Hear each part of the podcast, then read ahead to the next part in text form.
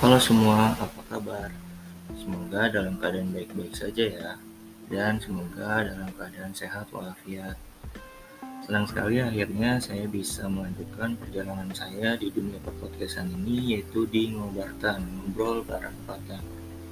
Sesuai judul pada episode kedua ini, yaitu Sistem Sosial Budaya Masyarakat Indonesia. Jadi saya akan menjelaskan sedikit tentang Sistem Sosial Budaya Indonesia. Pada poin pertama, saya akan menjelaskan definisinya terlebih dahulu. Apa sih sistem sosial budaya Indonesia?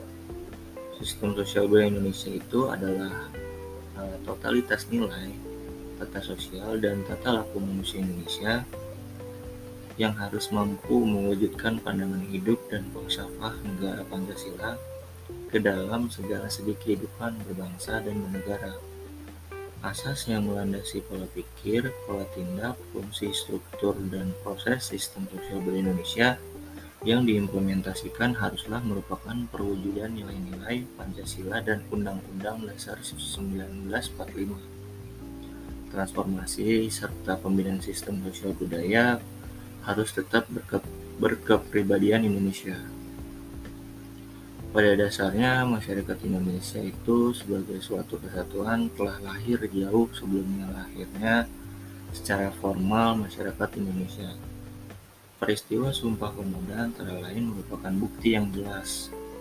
Peristiwa ini merupakan suatu konsensus nasional yang mampu membuat masyarakat Indonesia terintegrasi di atas gagasan Bhinneka Tunggal Ika Konsensus adalah persetujuan atau kesepakatan yang bersifat umum tentang nilai-nilai, aturan, dan norma dalam menentukan sejumlah tujuan dan upaya mencapai peranan yang harus dilakukan serta imbalan tertentu dalam suatu sistem sosial. Model konsensus atau model integrasi yang menekankan akan unsur norma dan legitimasi memiliki landasan tentang masyarakat, yaitu sebagai berikut. Pertama, setiap masyarakat memiliki suatu struktur yang abadi dan mapan. Yang kedua, setiap unsur masyarakat memiliki fungsinya masing-masing dalam kelangsungan masyarakat tersebut sebagai suatu sistem keseluruhan.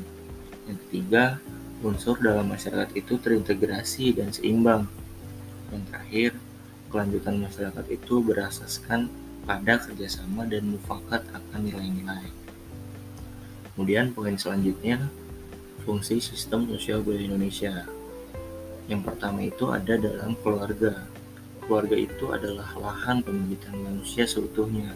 Keluarga adalah organisasi alami yang penuh kasih sayang. Dan yang kedua dalam masyarakat, organisasi sosial kemasyarakat ini adalah lahan pengkaderan sebagai keluarga buatan, gotong royong buatan yang penuh perbedaan kepentingan. Yang ketiga, dalam berbangsa dan bernegara, eh, penyelenggaraan negara dan pemerintah harus mengutamakan kepentingan umum. Selanjutnya pada poin struktur sistem sosial budaya Indonesia. Menurut Raymond Pitt, bahwa konsep struktur sosial merupakan alat analisis yang diwujudkan untuk membantu pemahaman tentang tingkah laku manusia dalam kehidupan sosial.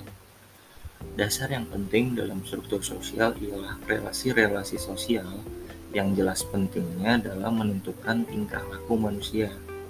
Yang apabila relasi sosial itu tidak dilakukan, maka masyarakat itu tak terwujud lagi.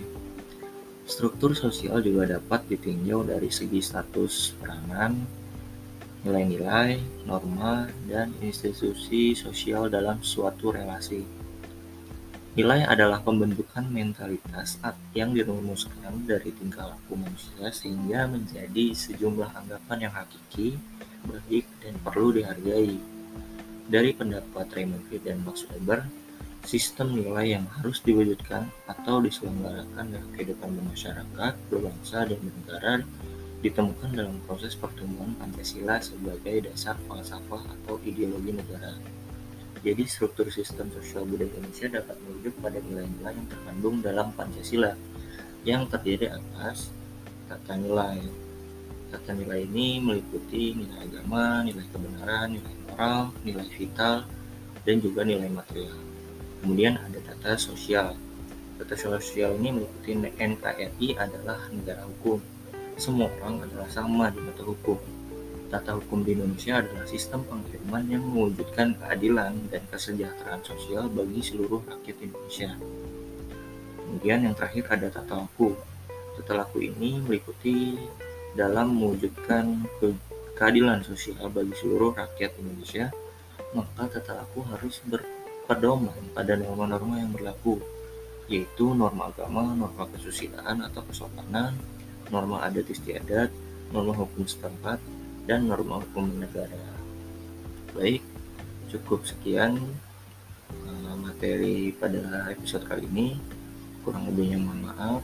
Semoga bisa mengedukasi lagi ke depannya. Sampai jumpa.